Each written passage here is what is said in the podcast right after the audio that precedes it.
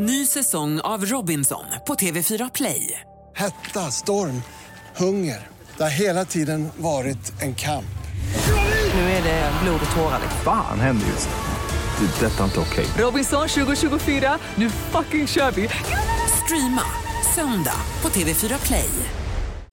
Hej, jag heter Gry Forssell och du lyssnar inte på radiostationen Mix Megapol. I alla fall inte just nu, för du ska ju precis höra ett nytt avsnitt av Mord mot mord. Men först vill ju vi säga hej. Hej, hej, det här är NyhetsJonas. Det här är Carolina Widerström. Åh, här är gullige dansken. Ja, och så Gry då, då. Det vi vill säga är att när du har lyssnat klart på den här podden, då får du gärna lyssna på våran. Vi spelar in ett nytt avsnitt varje morgon av våra podd Kvartsamtal. Och hela radioprogrammet blir ju också en podd om man är väldigt morgontrött eller så. Just det, om man missar morgonen ja. Men mest av allt så får du gärna lyssna på programmet i direktsändning varje morgon på Mix Megapol. Live varje morgon från klockan sex och då har vi med oss massor med vänner också. Thomas Bodström, Babben Larsson, Johan Pettersson, Christian Luuk. Massor med coola människor som bara dyker upp och gör livet bättre. Ja, som jag, gullige dansken.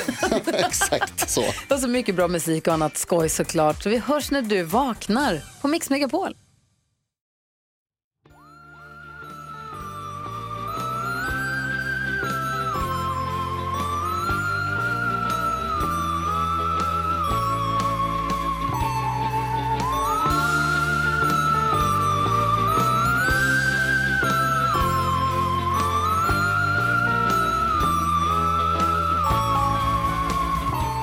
It's so intense. Welcome to Mord mot mord, your true tri- your true crime podcast with Karin Londri and Anna Sandell.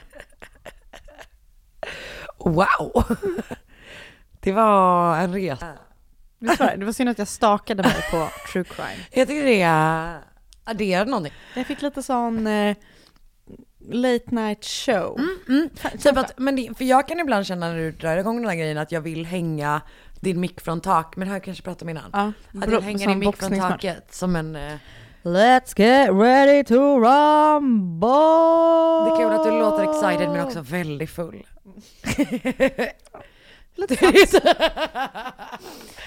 Ehm, Det är fredag. det är fredag, vilket är så jäkla skönt. Hur har din vecka varit? Mm, jag känner mig snurrig Mm. just nu. Mm. Som att jag alltså inte minns någonting jag har gjort. Nej, men jag kan relatera till det. Det är som det. Det är som det. Det är som det. Men jag, ja, jag vet inte, jag har en sån, jag har en konstig period just nu när jag är så här. ja, vad är det fel på mig då? Mm. Och så tänker jag så här, är jag sjuk eller är jag bara dum eller vad är, vad är Mm. grejen? Jag vet, man får ju sådana perioder ibland i livet. När man är, förundrar om man är sjuk eller dum. Nej men när, liksom allt, när, det, när, det, när det är något som känns lite off typ. Man kan inte sätta fingret på vad det är men det är typ att man bara så här, det är något som inte riktigt eh, är som det brukar vara. Exakt, man bara, vad är mitt problem? Mm. Så kan jag känna lite grann. Och det är helt naturligt. Tack. Tack älskling. Varsågod.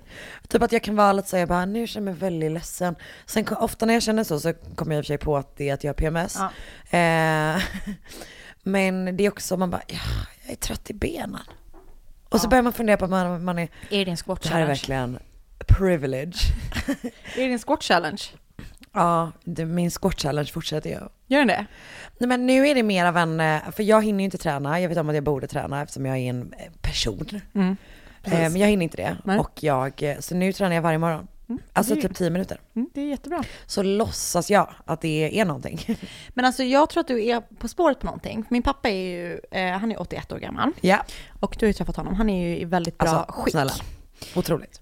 Eh, och nu lät det som jag raggar på din pappa. Det gör jag. Jag tänkte precis säga det, gör det. Alltså by all means. Ehm, han är ju otroligt bra skick, alltså kroppsligt och i huvudet och sådär. Gud, tänk när man är så gammal att någon säger, vilket otroligt bra skick du är i. Nej men hur ska jag säga då? Han liksom, han, Men han är ju, alltså, ja. Han är ju otroligt bra skick. ja, och jag tänker att en av de grejerna är ju dels att han typ har det så här, han har inte druckit så mycket genom livet som vi har gjort i och för sig. Men eh, eh, han äter ganska lite också. Till skillnad från hur jag är.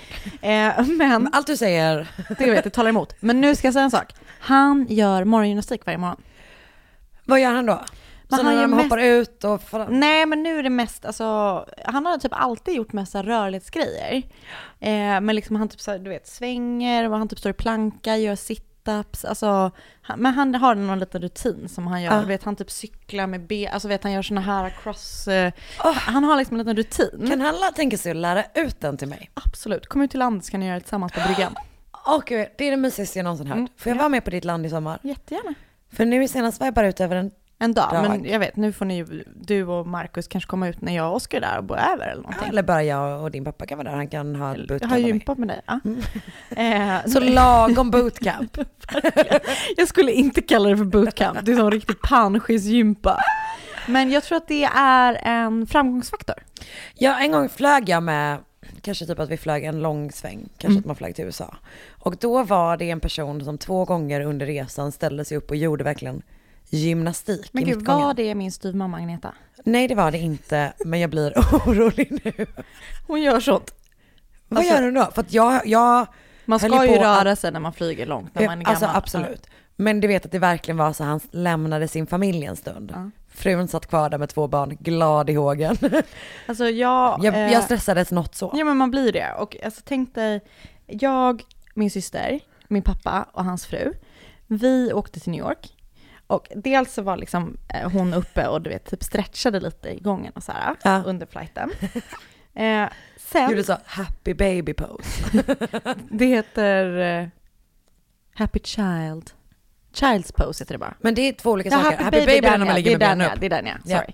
Ehm, Det hade varit kul om hon vaggade där fram och tillbaka i mittgången. Verkligen. Nej, det var lite mer liksom subtle. Eh, men eh, sen när vi kom till tullkontrollen Åh nej. så stod hon och stretchade och alltså pappa skämdes också. Alla skämdes. Men för det är pinsamt. Man bara, och "Vad- grejen är att snälla bete dig! jag kommer ju från en släkt där alla som varit i närheten av oss, alltså alla ingifta så, har Ja. skämts väldigt mycket. Jobbigt. Eh, alltså för att vi typ är en brötig familj. Mm.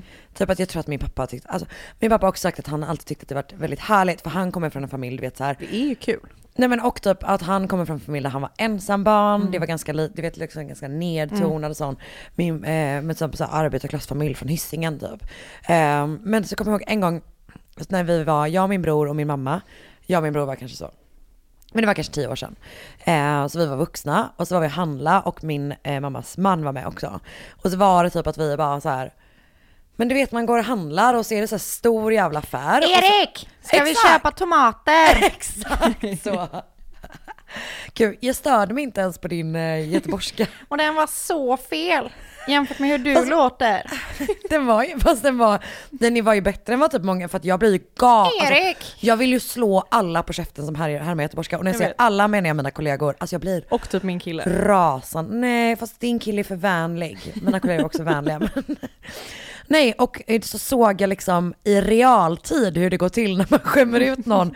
När Anders, min mammas man, vill alltså sjunka genom Men det är ju helt naturligt att man skriker i Jo, en... fast grejen var eh, du vet, min mamma, hon agerade som att hon inte alls var en del av det här beteendet. Hon bara, det är så pinsamt ni håller på. Man bara, det är du som har lärt oss. Gud, det gör man ju. Pappa!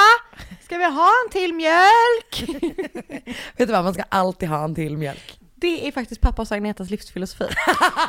Jag skämtar inte. Stretcha i gången och köp alltid en till mjölk. De har, jag skämtar inte, sex liter mjölk i sitt kylskåp varenda gång jag är där. Och det enda de har mjölk till är i te och kaffe. Vet du vad, det är verkligen gamla Sverige. Ja, och gärna frysa in så att man har när mjölken tar det slut. där är det gör vi på landet mycket. helt sjukt. Alltså, På landet kommer du få mjölk som ser ut bara, gick den här ut på midsommar när det är augusti? Ah. Men då har den legat i frysen. ja, jag, alltså vet du vad, mm. Nej, och du vet att det gärna kan få vara liksom så en liten iskristall kvar i. Jag bryr mig inte, jag litar på din pappa och på Agneta. Jag gör Det verkligen här blir avsnittet där jag kommer hänvisa till min pappa Agneta hela tiden. Gud. Uppenbarligen. Åh nej. Jag har ju en teori om att Agneta är ganska intresserad av mord. Mm, hon är ju också psykolog som min pappa.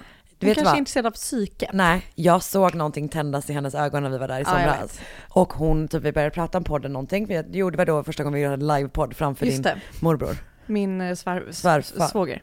Just det. Oskars pappa var inte på landet, nej. Oskars pappa. Är min svärfar. Ja just det, jag bara, vänta jag är så förvirrad. Är han din morbror? Nej! Vad är det? Svåger? Svåger! Svåger, bra.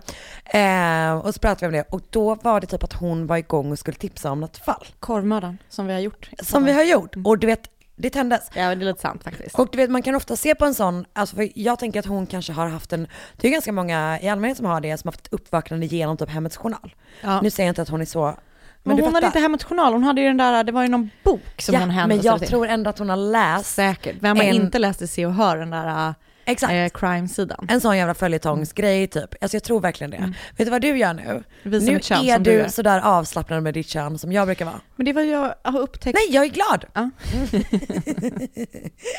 För att jag ofta känner mig så Men jag har ju burdus täckt, i- jag har ju täckt eh, här. Det Ja, ser du va? det brukar ju jag också göra. Mm. Nej okej. jag brukar bara skriva fritt. Exakt.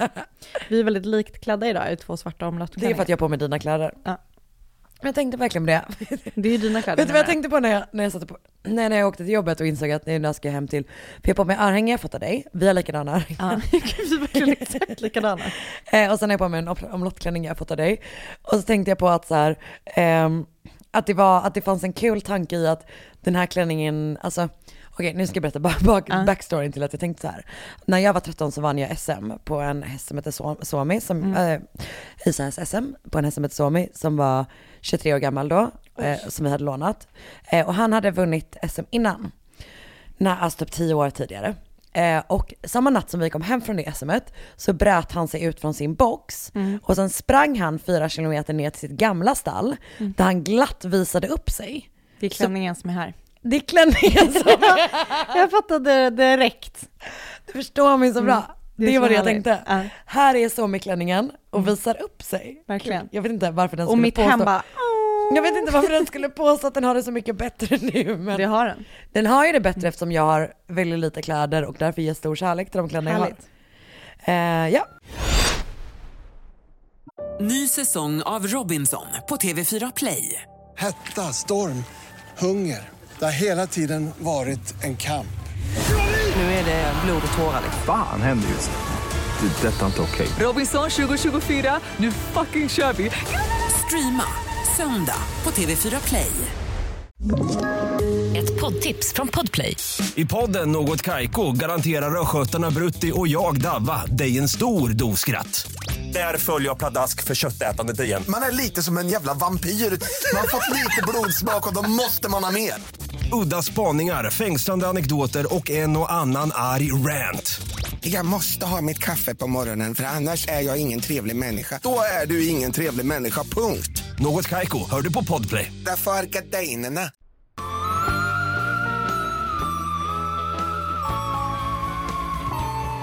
Nu är det jag, Anna Sandell. Tänkte jag att du är en fransk bonde.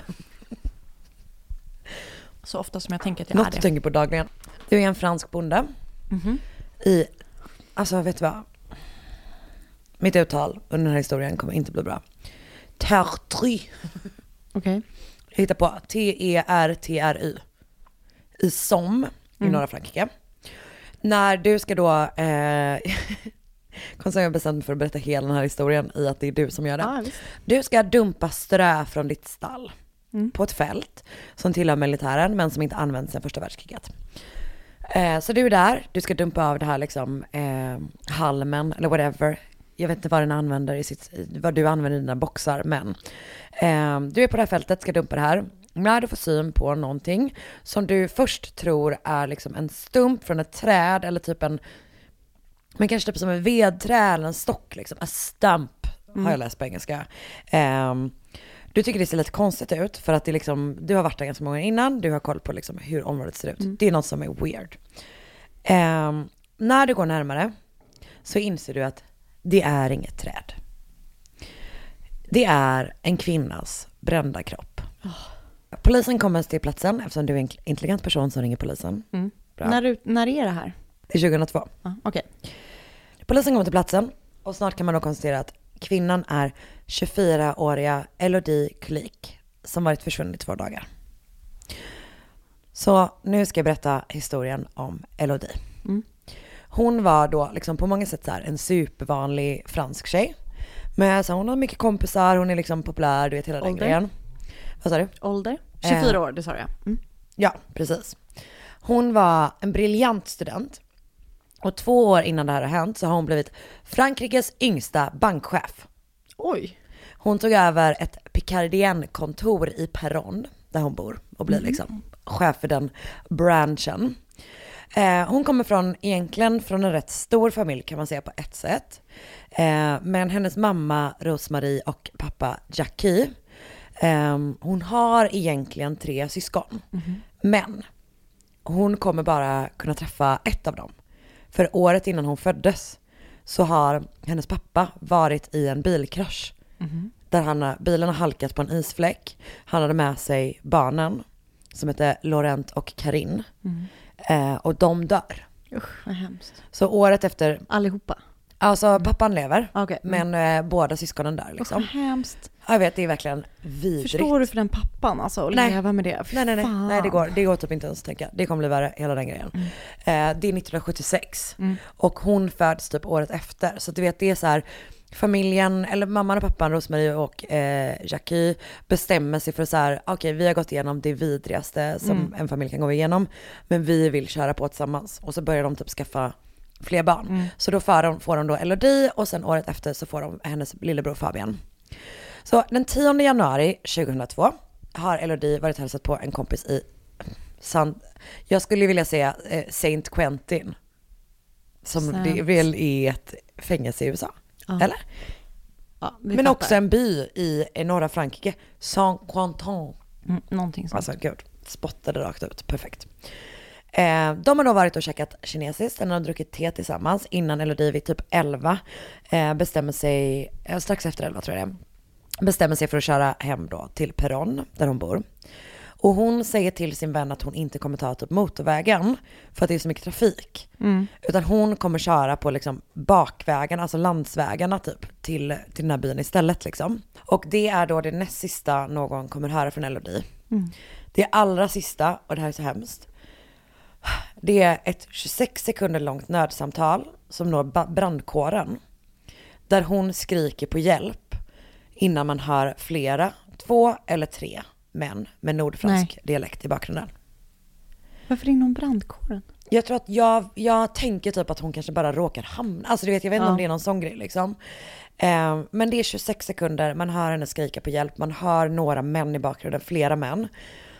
Innan samtalet bryts. Fy fan vad hemskt. Det kommer då in 20 över 12 eh, och ungefär en halvtimme senare, så det går snabbt liksom, hittar man då hennes röda Peugeot övergiven vid vägkanten. Passagerardörren är öppen, men det finns liksom inte ett spår efter Elodie, det finns inget spår efter någon, alltså så. Jag läste någonstans att bilen har typ voltat, eller du vet Mhm. att den har kraschat Mm. mer. Eh, men det är lite oklart, men jag tror eventuellt att den har gjort det liksom. Så hon är bara försvunnen fram tills två dagar senare när den här bonden hittar kroppen liksom. Och rättsläkaren säger då att hon har blivit våldtagen och strypt innan man då har tänt eld på hennes kropp. Alltså fy fan vad vidrigt. Och jag tänker typ att det lär ju vara för att, ja men, dölja bevis liksom. Såklart. Mm. Eller såklart, men troligen. Ja. Okej, så här är då vad polisen tror har hänt henne. För man tror då att en bil har förföljt henne på de här vägarna. Alltså, det är mitt läskigaste. Du är liksom ensam ute på landsbygden, kör så här, ah fy fan, och så bara inser du att någon förföljer dig. Nej, det är så läskigt. Det är så sjukt. Och någon har tryckt liksom henne av vägen. Jag antar att man kan se det på liksom bilen. Så någon har liksom jagat henne av vägen till som då på något sätt har Fan, kraschat. vilka jävla idioter. Ja, nej det är så läskigt. Eh, jag vet inte om det kraschade då eller liksom eh, tvingat stanna eller så.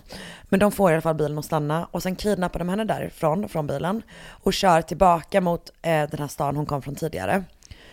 Eh, men innan de kommer fram till den byn så svänger de av på en pytteliten väg som går mot då, eh, Tartry. Och på den vägen så har man våldtagit henne, mördat henne och till slut då försökt göra sig av med hennes kropp. Man kommer åtminstone hitta bevis, eh, både på Elodies kropp, eh, men också i en kvarglömd kondom. Nej. Jo. Man bara, vet du vad, om du tänker använda en kondom när du våldtar någon, Mm. ja, jag ska återigen inte ge våldtäktsmän tips, Nej. men eh, och polisen kör då DNA i da- sin databas, bas, men bara Mm. ingen match såklart. Det är ändå ganska sent, det är 2002, Mm. så det är ändå så här utbyggt liksom. Ehm, och det här kommer sätta igång en sån, du vet, massutredning. Jag tänker typ lite grann som att typ alla människor i Umeå, alla män i Umeå topsades när man letade efter Hagamannen, lite grann den grejen. Man går igenom 14 000 mobiltelefoner Åh jäklar. och topsar, eh, vilket man bara, vad är rättssäkerheten där? I don't know man. Eh, men man topsar också mellan 6 och 8 000 män. Shit. Det är så jävla många män. Men det ger ingenting. Och utredningen, liksom, det går några månader och sen är utredningen typ i stiltje liksom. Men efter ett par månader så inser polisen att det finns en risk att man har en seriemördare som jagar på de här lantliga vägarna i det här SOM-området. För den 9 juli, samma år som Elodie hittas död, alltså 2002, påträffas då pat- eh, 19-åriga Patricia Leclerc död i ett fält i Ville-sur-Ancre. Eh, jävlar vad dålig fransk uttal. Jag tänker bara att man klipp, klipper av allt man kan liksom. Och hon har då försvunnit när hon kör moppe hem efter ett kvällsskift på McDonalds i Albert. Ett vittne berättar att han har sett tre män prata med en ung kvinna. Och Patricia var illa slagen och, åh det är så läskigt, hade dessutom blivit överkörd av en bil. Alltså hennes Nej. kropp var liksom krossad under en bil. Den 21 augusti samma år hittas Christelle Dubuisson, 18 år, under en stulen Citroën i utkanten av hennes hemmaby Villers-Bretonneux. Gud, Bra. tack. Det ligger alltså drygt typ en och en halv mil från platsen där Patricia hittats. Det är extremt kort avstånd. Jag tror att det är typ mellan de här byarna eller städerna som det här handlar om är det liksom max en halvtimme. Supernära liksom. Eh, och bilen har då stulits från ett företag som ligger liksom bara några hundra meter från platsen, så det är så här tvärstopp. Och bilen har, ja men den har ju använts som mordvapen typ. Men grejen är att det är inte bara den som har använts för att typ orsaka skada, utan när rättsläkaren undersöker hennes kropp så inser man att hon också har fått sin hals avskuren. Nej. Eh, men du vet att de säger att det är så kirurgisk precision den här grejen, vilket det är. Varje gång man hör det om en story så tycker jag att det är så jävla läskigt, att det är någon som är bra på att mörda. Så alla tre har ju dött av liksom olika saker. Men det är ändå tre mord inom samma område på åtta månader. Alltså det är ett litet område. Ja. Det, är- media, media börjar kalla det för typ så dödens triangel, alltså du vet liksom den grejen. Och man, man plockar in så profilers och de menar att det ändå finns likheter. Framför allt då att det här är en mördare som uppenbarligen typ på något sätt ändå vill stanna med en kropp. Alltså som inte du vet så här mördar och sen så bara åh, backar undan. Utan det finns då det här med bilen, det finns det här att man har försökt elda upp eh, Elodie, alltså det är liksom så här den grejen. Folk i det här området får ju förstås fucking panik. Men polisen har då tur. För man får en match på eh, DNA och fingeravtryck som hittats på platsen där Patricia mördats. Och du vet det finns ju liksom, ja men det är flera män som ska varit inblandade i alla liksom. Och den förövaren, han heter Jean-Paul Leconte. Och anledningen då att han finns i registret är att han 1991 dömdes till 17 års fängelse. För att, alltså en serie våldtäkter. Åh jävlar. Ja, i samma område. Har alla, hade alla tjejer blivit våldtagna? Och det vet jag faktiskt inte. Nej. Eh, alltså grejen är att det är ganska svårt i det här fallet för att det är ganska dåligt med källor på Mm, engelska typ. Så att jag läst ganska mycket så eh, svajiga Google Translate-artiklar liksom. Så jag vet faktiskt inte. Nej. Men grejen är då att eh, han har släppts 2002. Och snart kan man då knyta honom med DNA både till mordet på Christelle och på Patricia. Men det är svårt med Elodie. För grejen är att Jean-Paul Leconte satt fortfarande i fängelse när hon mördades. Så han döms för livstidsfängelse, till livstidsfängelse för de här två morden på Christelle och Patricia.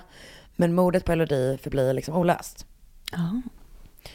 Så att det verkar helt enkelt som att det bara är så här att det är en tillfällighet att de här människorna finns i samma område.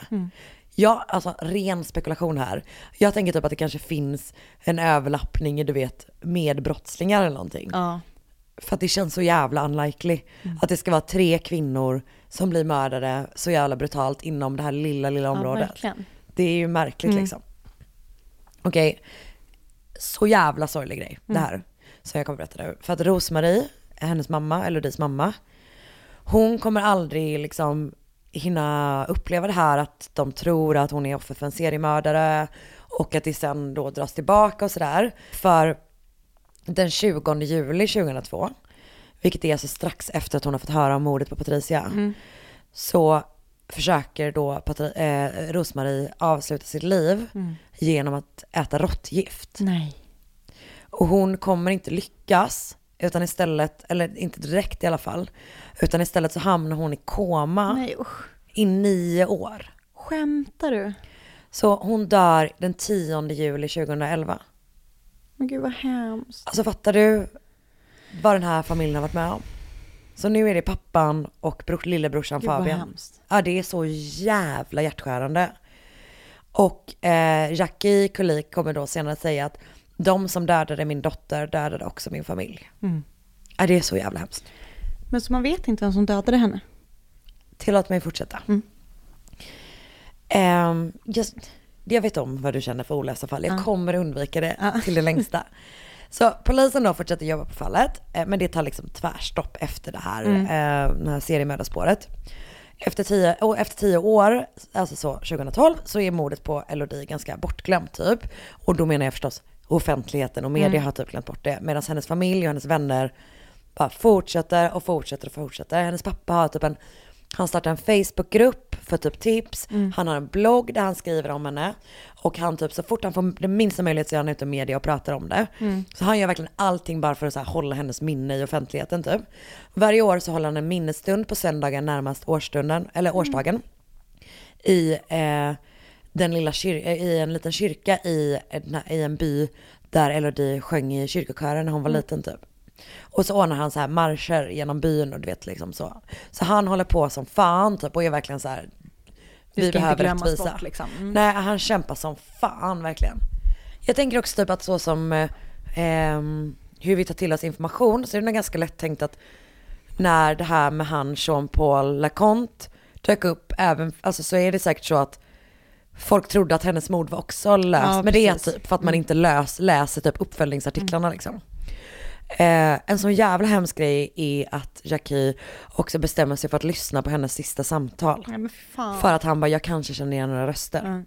Och han gör inte det och han typ beskriver hur det är liksom att lyssna på sin dotters skrik. Självplågeri verkligen. Ja, och samtidigt som att det han vill är bara verkligen bara så här. Jag måste se om det är någon jag känner igen. Ah, typ. ja, nej jag fattar. Men, Men det, är- att ja, höra men det att, alltså. ja, nej, att höra henne skrika och inte kunna hjälpa. Nej, det är så jävla Mm. hemskt. Men, ba, ba, bam. Mm. Eh, för Jackie har då en, en, liksom en person på sitt lag som han inte är medveten om. Som är superfrustrerad över att det här fallet eh, är stiltje liksom. Och det är då poliskaptenen Emmanuel Pham Huai som sitter typ i något slags så här, ja men i, han jobbar i ett polislabb Mhm. i, i Frankrike. Och han, är, han har hört nödsamtalet och han har hört de här männen i bakgrunden. Han är övertygad. För grejen att de har verkligen så supertydlig, alltså utpräglad som dialekt. Så att det är uppenbart att det är män från området liksom. Mm. Och han är så superfrustrerad för att han bara, det måste gå att hitta dem. Det måste gå liksom. Det här området löper typ från hela vägen eh, norr upp ner till typ Paris förorter tror jag. Ah, okej. Så liksom där vi är. Så att han bara bestämmer sig för att säga, nej, vi, det här är liksom, det blir som att det är hans kall typ. Eh, men han känner inte igen de här rösterna och han hittar dem inte. Men så en dag så hittar han då och läser en tidning om du vet så här medicinska och forensiska framgångar och sådär. När han då första gången får höra, höra om det som vi alla nu känner till. Som är så här familje-DNA. Ja. Och han får då höra, eller han läser en artikel om att man har använt det i Denver för att klara upp typ ett kallt fall. Och han börjar då tänka att så här, det skulle kunna bli lösningen på det här. I och med att de har ju DNA. De har fan sperma, de har bra DNA liksom. Eh, det lilla problemet är då att han vet inte hur man gör det här. Och ingen, det här är ingenting som används i Frankrike. Eh, han måste få med sina chefer, han måste lista ut hur man gör det, alltså du vet allting så liksom. Så att han är verkligen den typen av polis som vi älskar. För att han bara, nej nej, nu kommer jag köra typ. En sån manisk, tänker jag, som. Paul Holes figur liksom. Så han får då tag på Greg LaBerge, som är chef för Denverpolisens forensiska labb. Och du vet de så här, han ringer upp honom ehm, så här Emanuel. Knackig Han fransk, engelska. Exakt, och typ eh, Greg har så ka- fransk-kanadensisk bakgrund men han kan typ inte fransk. De liksom Mm. kommunicerar på så dåligt språk på ett härligt sätt men de kämpar på som Mm. fan typ. Han försöker Alltså den här Greg har ju ingen aning om vem den här Emanuel är överhuvudtaget. Han måste börja berätta om det här fallet och du vet liksom börja på så jävla basic nivå. Men eh, de lyckas liksom förstå varandra och Greg och hans liksom crew erbjuder sig då att skicka den mjukvaran som de använder sig för för att söka i DNA-register efter de här typerna av hits liksom. Mm.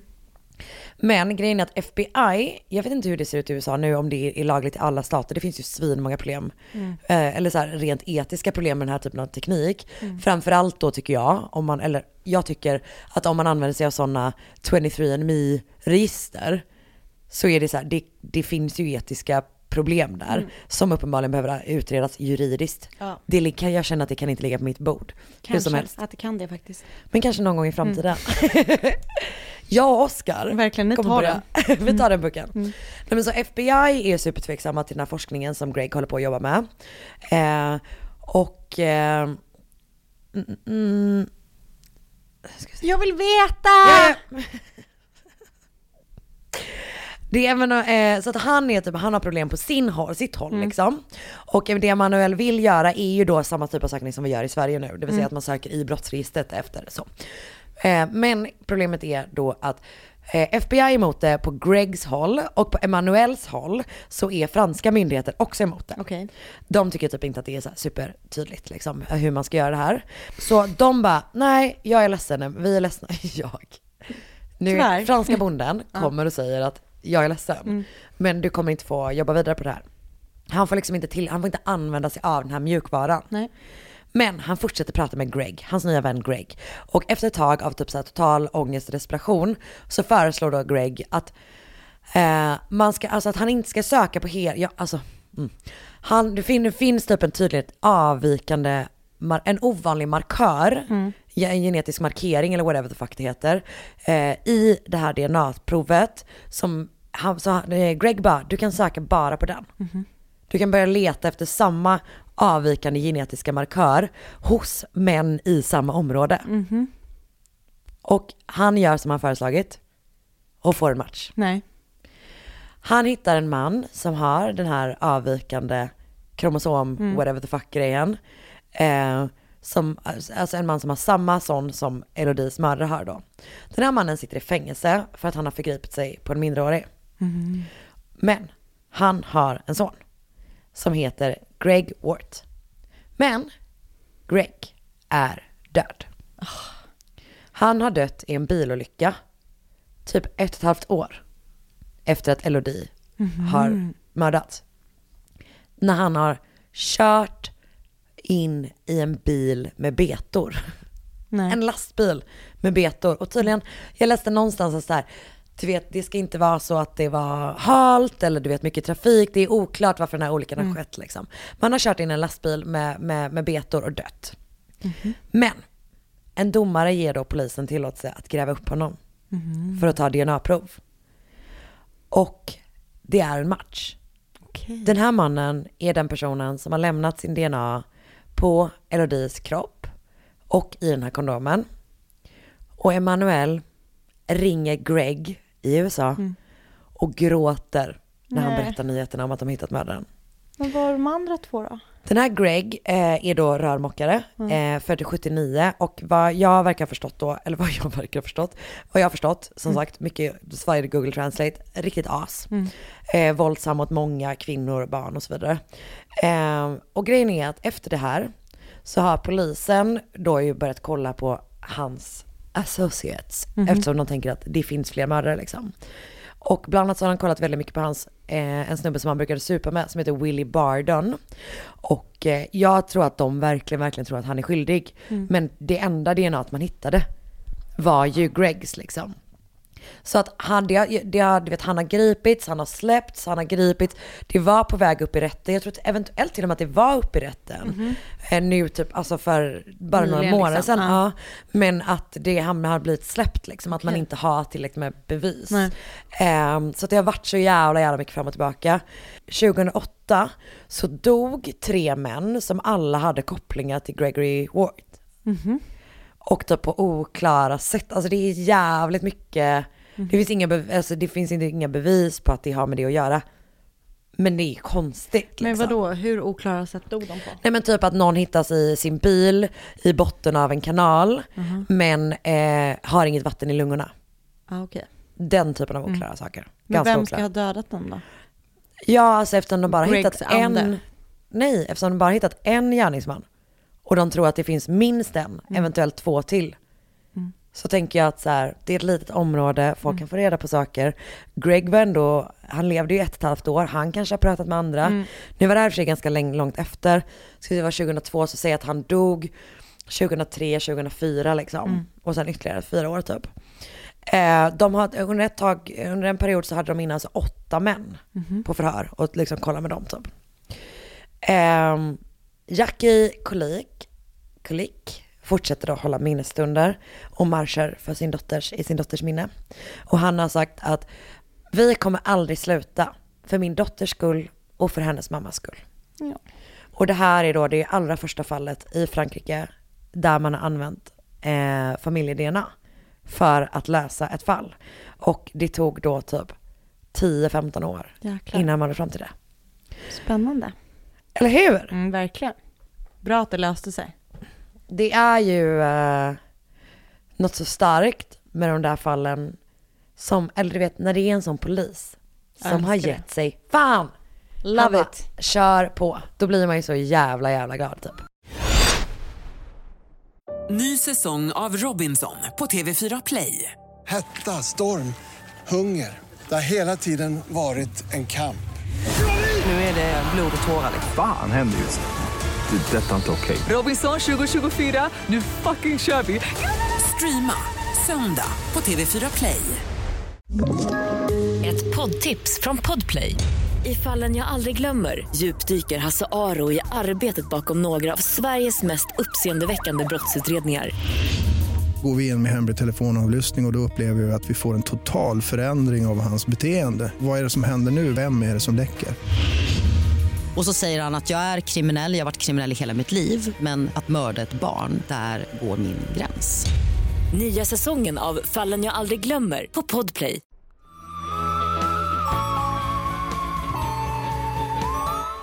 Vi är i Wissinoming i Pennsylvania. Ja. Någon gång under 90-talet. Bra. Jag har inte något exakt år. Jag har inte Sluta. lyckats hitta det. Det spelar ingen roll. Jag Karen- minns inget från 90-talet. Typ inte jag heller. Förutom VM 94. Mm, minns inte det. Ehm, Karen Widows var 13 år gammal när hon träffade en fyra år äldre kille, Leonard Tilton. Och de två blev så superkära och det var liksom en klassisk ungdomsromans. Hon blev helt så här tagen av honom och han överöste henne med kärlek och bara “You're so beautiful, I love you, bla bla bla bla”. Och liksom så här, “Jag är så kär i dig” och bara överöste henne med liksom Ja. massa sådana där, liksom, ja. Kärleks... Psykopatbeteende. Precis. Eh, så de var superkära, men någon som inte var lika tagen av Leonard var Karens mamma. För hon tyckte liksom genast att det var något så här, någonting konstigt med honom och hon har uttalat att han var inte, enligt henne, boyfriend material. Men Ja. det kan ju mammor tycka liksom. Jag vet, när, men när också en, ganska ofta. som de har rätt, Ja. absolut. Eh, och de var ihop i två år innan eh, de gjorde slut. Eh, och Leonard hade liksom alltid varit så här kontrollerande över Karen. Och hon ville typ, eller han ville inte att hon skulle hänga med sina kompisar och varje gång hon sa typ så här, men jag kommer hänga med Karin efter skolan, så blev han så här, ja men typ tokig och gick i taket och bara, nej jag vill inte att du ska, uh, typ så. Men även, liksom, även om han hade varit så kontrollerande i deras relation, så när de väl gjorde slut, som jag liksom var på hennes initiativ, så verkade han liksom ändå ta deras uppbrott med ro. Liksom. Okej. Det var inte så att han bara, du får inte göra slut med mig, bla bla bla. Utan de gjorde slut och sådär. Som man gör när man är ung. Ja. Och hon... Och liksom- även ibland när man är gammal. Exakt. Men jag menar... Ja, nej, alltså Absolut. att man bara, nu har vi varit tillsammans lite grann, nu gör vi slut. Exakt, Ja. typ så. Tänker jag att det i alla fall var från hennes håll. Ja. För hon liksom tänkte inte så mycket mer på det och eh, hon började så att dejta andra killar och eh, träffade så småningom en kille som hon blev ihop med. Och hon tänkte väl att precis som hon, har- eller hon tänkte att precis som hon har gått vidare med sitt liv så har Ah, även Leonard nej. gått vidare med sitt liv. Men han så fortsatte ringa henne ibland och det var mest för att typ så här kolla läget och det var liksom, han verkade inte svartsjuk överhuvudtaget. Utan hon tolkade det som att så här, men han vill väl typ bara fortsätta vara kompis med mig. Typ så. Jag bara, gud vad har jag skrivit så här? Men så här har jag skrivit. Men eftersom det här är en läskig podd så var det såklart inte alls lugnt mellan dem. Nej. Och han var ju såklart inte alls över Karen. För det som började med så här oskyldiga catch-up calls utvecklades till någonting mycket, mycket värre. För Leonard började ganska liksom snabbt efter att hon hade träffat sin nya kille följa efter Karen. Och hon märkte det genom att han liksom så här, ehm, dök upp vid konstiga tillfällen. Typ att så här, hon fick sluta tidigare från skolan. Och då var han där typ. Ja, och då så liksom samma sekund som hon typ stängde dörren hemma, när ingen visste att hon skulle vara hemma så bara dök han upp typ och knackade på dörren och hon bara Jag borde typ inte vara hemma, vad gör du här? Eh, så han verkar liksom ha allt för bra koll på henne, kände hon. Och hon tyckte att det var ganska obehagligt och just eftersom han hade varit så här kontrollerande tidigare så tyckte hon det var weird. Men hon tyckte liksom inte att det kändes farligt heller för de hade ju varit ihop och liksom sådär. Så att hon hade inte en tanke på att så här, ringa polisen eller du vet prata med någon om det. Att så här, typ jag har någon som följer efter mig. Jag tänker också typ att det är ganska mycket beteende från typ personer man varit tillsammans med. Som inte är över. Nej men som man också typ accepterar, eller typ jag tänker typ bara som, som att man lärt sig av typ ett visst mått av svartsjuka är bara charmigt. Ja. När man bara... Exakt, och man bara, men han är ju fortfarande kär i mig. Ja, typ, och, och så är det typ, det blir ju lite grann som en komplimang med. Exakt. bara, Han kan typ inte släppa mig. Ja, okej. Precis. Ja, usch vad läskigt. Och sen, sen en dag så, så ringer han henne och säger så här, jag ska flytta till Kalifornien. Så han bara, jag vill bara komma förbi och säga hej då liksom och inga konstigare med det. Så han så här, kom till Karens hus och sa hej då till Karen och Karens mamma och så här, kramades och bara, ja men vi hörs typ, nu flyttar Okej. jag. Men hon bara, det är något som inte stämmer med den här flytten och jag tror inte att, jag tror inte att han ska flytta. Nej. Från då Kalifornien så fortsatte han att ringa och så här för att under, liksom, un, vet det, upprätthålla deras vänskap och liksom så här berätta hur han hade det och sådana grejer. Sen en dag när Karen och hennes liksom nya pojkvän satt på bussen så åkte de förbi en telefonkiosk eh, i närheten av där Leonard hade bott. Och i telefonkiosken så stod Leonard fortfarande. Och så här, han använde liksom, han var, han var kvar i Wissenoming. Och i samma veva eh, som Karen och hennes pojkvän eh, såg Leonard, vilket var ju konstigt för han bodde ju inte kvar i stan, så började liksom de här samtalen, som han, han, liksom hans Ah. samtal till Karen, de började liksom intensifieras. Så eh, i och med att han, liksom, han bara ringde och ringde och ringde så här, alltså Karens mamma bara, men vi måste byta nummer, för vi kan Bra. liksom inte ha att han ringer hem till oss. mer." Bra. Men det liksom hindrade inte honom att här, fortsätta höra av sig. För när de hade liksom bytt, bytt nummer eller stängt av nummer så började han istället skriva brev till henne. Och i breven så, så fortsatte han att liksom, så här, i han är- Kalifornien så är det bra typ och jag vet bla bla bla. Läskigt med någon som beter sig så normalt. Att det bara är så, ja ah, men idag var det sol och Exakt. alltså så jävla Så jävla läskigt. Eh, och i ett av brev, breven så skrev han så här, men jag har träffat en ny tjej. Och min nya tjej, hon heter Karen. Nej, men, nej. Och när han beskrev... Vet du vad, jag kom på ett nytt namn. Gubben. Verkligen. Och i brevet så beskrev han henne som att hon var så här, precis lika lång som Karen var. Och typ att hon så vägde lika mycket. Alltså det var så en kopia av henne. Men bara, för det första, sluta säga vad din nya tjej väger Exakt. i brev. Men också, halli, addera ett pound. Hur Så svårt kan det sjukt. vara? Men han berättar också, eller, och han berättar också att eh, hans nya tjej Karen är gravid. Så han ska nu bli pappa. Åh jävlar. Okej. Eh, men de här liksom kanske glada nyheterna att han ska bli pappa och sätta ett barn till jorden eh, var såklart inte sanna. För i nästa brev som kom så skrev Leonard att han, ehm, att han hade ljugit om att han hade flyttat till Kalifornien och att han aldrig skulle sluta älska Karen, att allting bara var en lögn liksom. Så han så här erkände i nästa brev. Oj.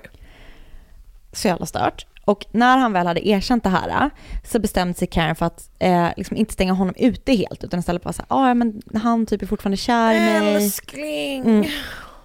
Så istället för att bara vara så här, you fucking weirdo. Ja, låt mig vara. Låt mig vara. Så bjuder hon hem honom och var så här, ehm, men kom hem och typ så här, Vi häng. pratar om det. Då. Exakt, och hon, nej, men hennes nya kille var där och med bara så här, kom så är vi vänner typ så. Och det här var samma dag som, eller om det var dagen efter eller var det veckan efter, som Nicole Simpson och den här andra personen, det var de här två personerna hade blivit mördade. Eh, Som O.J. Simpson. Exakt. Så de sitter alltså och kollar på tv på jakten på OJ. Och typ han, det som mamman berättar, har berättat är så att han, bara, han ställer så konstiga frågor om bara så här, do, do you think he did it? Så typ var så här jätteintresserad av OJ liksom. Eh, och sen så direkt när, bil- liksom, när han bara, nu drar jag typ efteråt och Mm. bara försvann. Och ehm, några dagar efter den här biljakten så ringde han till, då har han väl uppenbarligen fått liksom deras nummer igen. För några dagar efter så ringer han igen och berättar så här, jag har färgat mitt hår svart och jag skulle jättegärna vilja visa det för dig för det är liksom en helt ny look på mig typ. Ja, Gud, jag så fort jag varit hos frisören. Skicka bilder. verkligen. Nej, Till dig. men, ehm, så han hoppar på bussen hem till Karen Nej. för att visa henne det. Och eh, hon blir typ så här, han ser sjukt liksom annorlunda och typ elak ut. Så hon blir helt ställd. Och när de ska skiljas åt eh, så bara kollar henne, han, rakt, han, kollar, han kollar henne rakt i ögonen och bara du vet att jag kan mörda dig nu för det är ingen annan som vet att jag är här så att det är, man skulle inte fatta att det var jag typ. Så hon får så här panik och bara, vet, så här, trycker, bara stänger dörren så här på honom. Bara, ah, ut. Skitläskig person. Ehm, Åh, det är så hemskt och den känslan att man bara inte kommer, att man är fast i någonting som man inte vet hur man ska typ. exakt, och hon är ju liksom 15 år. Ah, nej, för fan. Eh, och så några dagar senare igen så är hon hemma liksom och så, så hör hon så att du vet, det kastas stenar på fönstret. Så hon så kollar och bara, då är det Lennart som står utanför och så kastar stenar på hennes fönster. Och bara kan du släppa in mig, typ så här, jag skulle vilja prata med dig. Ehm, och så hon släpper in men- honom eh, och när hon vill att han ska gå så vägrar han att gå. Så hon ringer till sin eh, mormor som bor på samma gata och Men, bara för kan, mamma var inte hemma. Nej exakt, hon var ensam hemma. Just det. Så hon ringer sin mormor som bara liksom bor längre ner på gatan och är så här, kan du snälla hjälpa mig? Liksom, jag är, han är fett obehaglig. Och när mormor kommer så, så här, går hon igenom huset och bara, men han är inte kvar. Han måste ha gått under tiden som du väntade på mig liksom. Så hon bara, okej, de har gått och så här, de hittar ingen och vet. Gå med din mormor hem. Ja, Gå och följ med henne hem. men det gör hon inte. Utan hon liksom bara, ah, tack för att du kom mormor typ. Och så, här. och så går hon och lägger sig i sitt rum. Och så vaknar hon av att eh, Leonard är inne i hennes rum och står vid fotändan på hennes säng och så smeker hennes fötter under täcket. Så hon blir ju så här förskräckt och bara springer ner för trapporna och så här försöker uppmana honom bara, du måste gå härifrån, typ jag vill inte att du ska vara här. Och då bara säger han så här, can I strangle you? Och så bara tar han tag runt hennes hals och så här lyfter upp henne. Och trycker henne typ mot dörren. Det är så läskigt också att fråga innan. Så jävla läskigt. It's cause I'm sick lady. Det är lite samma tema. Åh, gud. Eh, så hon svimmar och när hon vaknar nästa gång så är hon, eh, Lennart har tagit av sig, eller henne sina kläder, eller hen, ja, hennes naken. kläder, hon är naken. Och han har satt på henne en klänning istället för de kläderna hon har på sig. Och hennes bröst är så här helt täckt av blod. Så hon bara tittar på Leonard som sitter på knä bredvid henne. Och han bara håller i typ världens största kniv. Som han hugger in i bröstet på henne. Hon liksom tittar på det. Medan han liksom ger ifrån sig massa så här liksom grunts som det heter på engelska. Så han Med gutturala läten, Ja, liksom. exakt. Och eh, han, Han försöker hugger här, henne i bröstet. Ja, och han försöker typ bända, vet som att han försöker så här bända upp hennes revben. Åh, typ. vad äckligt. Åh, Mm. gud vad äckligt. Och när han har gjort, liksom han håller på med det här och när han har liksom hållit på med det ett tag så efter ett tag så lindar han in kniven i en handduk.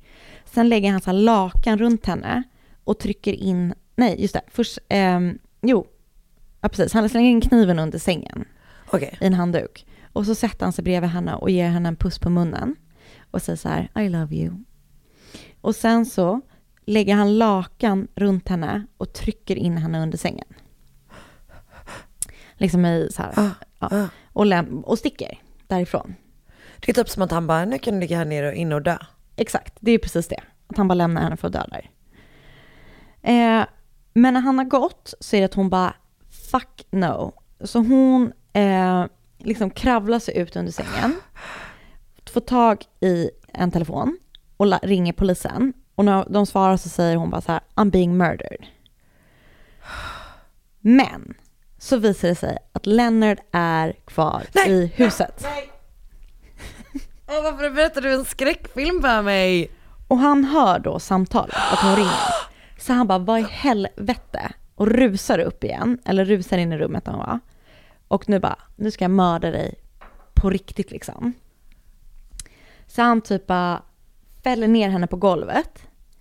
Och så säger han så här, just die Karen, let yourself go. Just let yourself die. Och sen så lämnar han henne igen. Men han hugger den inte igen då? Nej. Nej, för han får inte tag på kniven. Nej, han liksom typ brottar ner henne. Ah. Typ så här. Hon är ju liksom helt huggen. Ah. Men som jag nämnde tidigare så bodde ju eh, Karens mormor och morfar längre ner på gatan. Så med sina absolut sista krafter så släpar hon sig fram, liksom ut ur huset, bort ner för gatan, bort till deras hus. Och precis när hon kommer fram till huset så möter hon sin morfar och bara kollapsar, Kollapsar. i hans armar. Åh gud.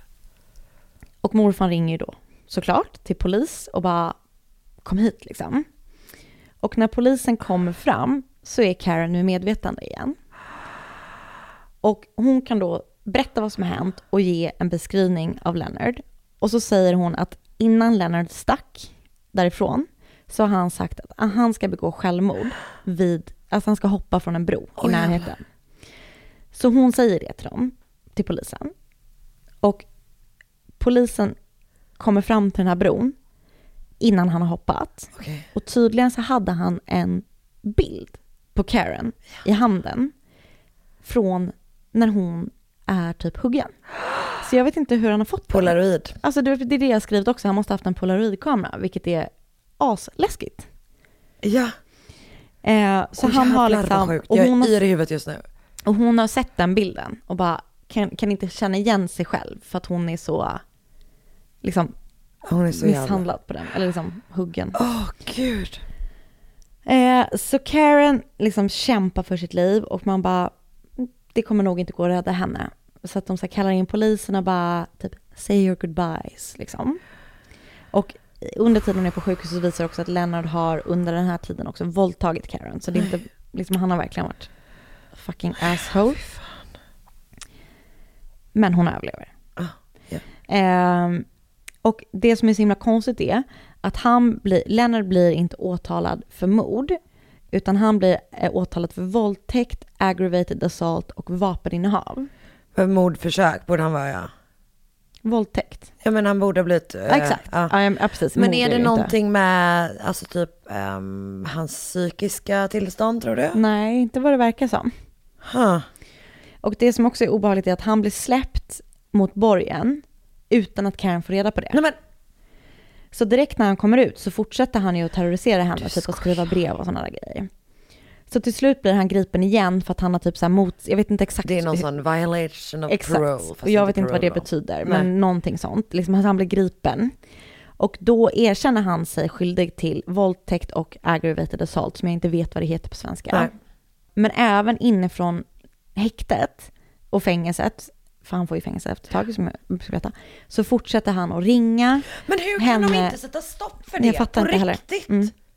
Men och i och med att han erkände sig skyldig så fick han 15 till 40 års fängelse med chans till parole efter 15 år. Som han, och han får söka parole varje år. För annars brukar det vara så här begränsat att du Ja, bara får söka. Men han får söka varje år.